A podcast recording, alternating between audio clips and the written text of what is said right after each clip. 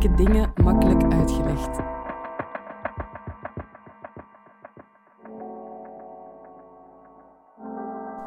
Dit is de podcast van Moeilijke Dingen Makkelijk Uitgelegd. Wie de wereld wil verbeteren, moet wel begrijpen hoe die werkt. Daarom laten we in Moeilijke Dingen Makkelijk Uitgelegd een expert 10 minuten aan het woord om een complex onderwerp uit te leggen. Ehm, zo'n tien jaar geleden heeft de Standaard, de krant, mij gevraagd om een aantal artikels te schrijven over het openbaar vervoer. En de bedoeling daarbij was dat ik, vooraleer ik die artikels schreef, alle dagen met een ander vervoersmiddel van Opgrimmi naar de Pannen zou reizen. Een beetje symbolisch het land zou doorkruisen om uiteindelijk op de laatste dag van mijn reis uh, met de gezellige kusttram aan de strand mijn tocht te beëindigen. Nu, voorafgaand aan dat, die, die, die reis heb ik ook in de Standaard Magazine een artikel geschreven, een lang stuk, waarbij ik dus het ook over had wat mijn intenties waren. Want ik wilde namelijk, naïef als ik was, het openbaar vervoer onder de loep nemen om te zien hoe de staat van ons tram, trein, bus en metro uh, gesteld was. En ik kan jullie verzekeren, met een rolstoel door het land reizen van, de, van op naar de Pan. Het is een echt huzarenstukje. En waarbij ik dan eh, letterlijk een paar keer meemaakte dat ik ergens kwam te staan waarbij ik dan moest wachten op iemand die me zou helpen op een ramp of assistentie zou verlenen of dat ze mij dan op een ja, treinstel zouden meehelpen. En dat ik dan ter plaatse letterlijk voor leugenaar werd uitgemaakt, want je moest destijds nog uh, op voorhand bellen en een afspraak maken en zeggen dat je de trein, tram of bus wilde nemen. Intussen zijn die zaken wel een beetje verbeterd. Vandaag de dag kan je denk ik op één op de zes gevallen moet je wel bellen en is de, eh, de, de duur van die op voorhand beltijd maar zes uur geworden in plaats van 48 zoals destijds. voorafgaand dus had ik die artikelreeks geschreven in de Staandmagazine en die stuk heb ik dan ook weer niet toevallig de, tekst, de titel gegeven Drempelvrees. En daar is dus ook een gedicht van die ik misschien nu meteen ga voordragen. en op vraag van de organisatie ga ik daar straks op het eind nog een keertje doen. Het is tevens ook een staatsgedicht. Het derde gedicht van Mustafa Keur. Drempelvrees. Vaarwel. Dit is een betreurde afscheid. Een reiziger dient nu eenmaal onderweg te zijn. Veilig en wel, van en naar geliefden een gonzende stad. Vaar wel, welvaren. Waarheen? Dit is geen reis, toch niet voor mijn soort. Spast, Mongool, seniel. Horden neem je als ze zich aandienen. Wat met drempels en onwil? De dagelijkse kweesten op rails en asfalt, tierende willekeur waar heren niet voorop staan, maar keurig voor knielen. De lijdensweg van de dagtoerist, de reisweg der lammen en blinden. Vrezen zal ik niets meer als het ieders ergernis wordt, hoe wij omgaan met hulpbehoevenden en de stilstand in wachtzalen en stations. Mobiel of kreupel, Waarom nog vertrekken als we toch gaan stranden? Stranden, vastlopen, dichtslibben, dat kan je allemaal in het enkel diepe. Wij willen zee. Wel, toen dus mij de standaard vroeg om een reeks artikels te schrijven en dat ik dan het land zou doorkruisen, werd ik op missie uitgestonden. Want het was een publiek geheim hoe de staat van onze openbaar vervoer en onze tram, trein, bus er aan toe waren. Um, een aantal cijfers die ik daarbij kan geven is... Er zijn blijkbaar in ons land zo'n 36.000 tram- en bushaltes. Daarvan zijn amper 10% aangepast. En bovendien heeft men sinds een drietal jaar ook besloten om van die 36.000 er 20% te schrappen, omdat ze in ruraal of landelijk gebied zijn gelegen en met andere woorden niet genoeg opbrengen. En het ergste van alles is dat wanneer men die beslissing neemt, dus ik heb het de hele tijd over een min, dan heb je het over de lijn en, en de overheid, dat ze dat doen van vandaag op morgen zonder enige consultatie of met de lokale mensen, maar vooral ook niet te spreken met zij die het meeste getroffen worden door deze maatregelen, namelijk mensen die met een beperking zijn of het meeste nood hebben aan vervoer met tram, trein of bus. Intussen zijn dus tien lange jaren verstreken.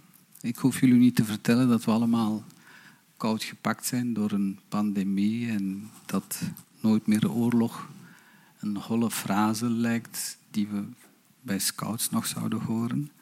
We nemen intussen ook en masse de wereld onder de loep. We bevragen onszelf en de maatschappij, herbekijken de gang van zaken. We zijn allemaal woke. En helaas wou ik dat ik ook kon zeggen dat dat ook hetzelfde is met betrekking tot inclusie van onder meer mensen zoals ik. Allochtoon, dichter, gehandicapt, Limburger. Jawel, de minderheid par excellence dus. Ik ben blij dat jullie lachen, maar het is toch een beetje bittere... bittere ja, het is, het is bitter de lach. Waarom? Omdat ik sta voor jullie vandaag als uh, jullie dichter des vaderlands. Ik weet, het klinkt heel pocherig. Het is een titel die ze mij ook maar hebben gegeven. Maar hoe... Ja, het is een eervolle titel en een ambt die ook iets betekent. Want ik vertegenwoordig jullie. Het is niet zomaar iets dat we voor lief moeten nemen. Want het is onze taal en onze cultuur. Uh, die ik in binnen- en buitenland mag, buitenland mag gaan uh, uitvoeren.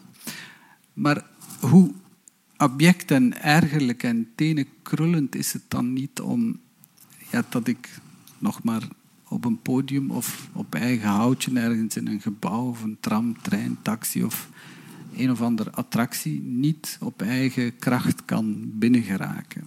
Dus de voorbeelden die ik jullie kan geven, daar zou ik nog een apart boekje van kunnen maken. En we zijn in anno 2023, tien jaar geleden, stelde men de vraag om een reeks te maken. En dat maakte destijds al heel wat los. In die mate zelfs dat ik op straat werd aangesproken, mensen mij bijna als een soort fanclub aanmoedigden van niet opgeven, doordoen.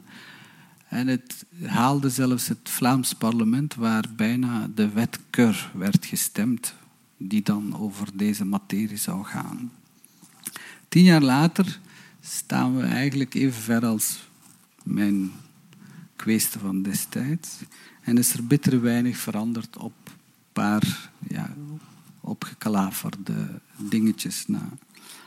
Um, het verbazende van dit alles is dat dit geen omhooggevallen dichtertje is die sterrenlures heeft gekregen en die dan allerlei zaken eist van jullie, maar het is een basisrecht zoals water, een bril of dat je een veilig dak boven je hoofd hebt.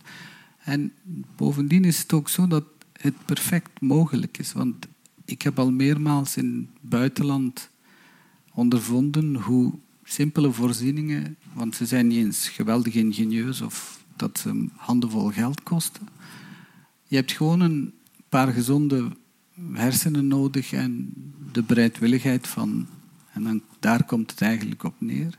Onze beleidmakers, onze machthebbers die zeggen we gaan dit voor eens en altijd oplossen en onze meest kwetsbaren een ordentelijke manier van plek A naar B vervoeren. Zonder dat dat altijd met heel ja, schrijnende situaties moet gepaard gaan.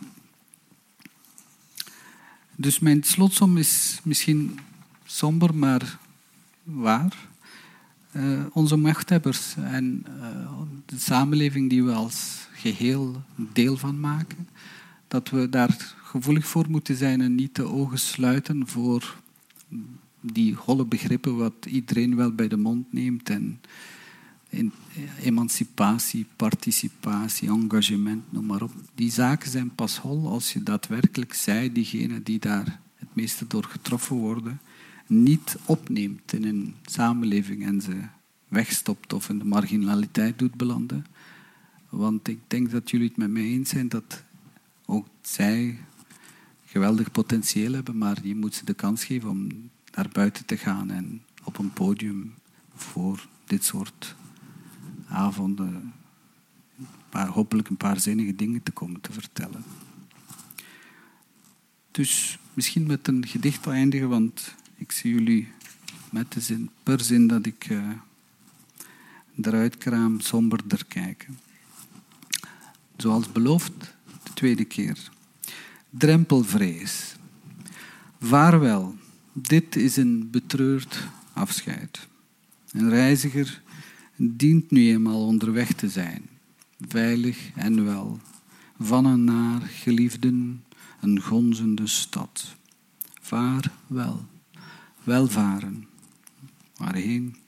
Dit is geen reis, toch niet voor mijn soort. Spast, Mongool, seniel, horden neem je als ze zich aandienen, maar wat met drempels en onwil.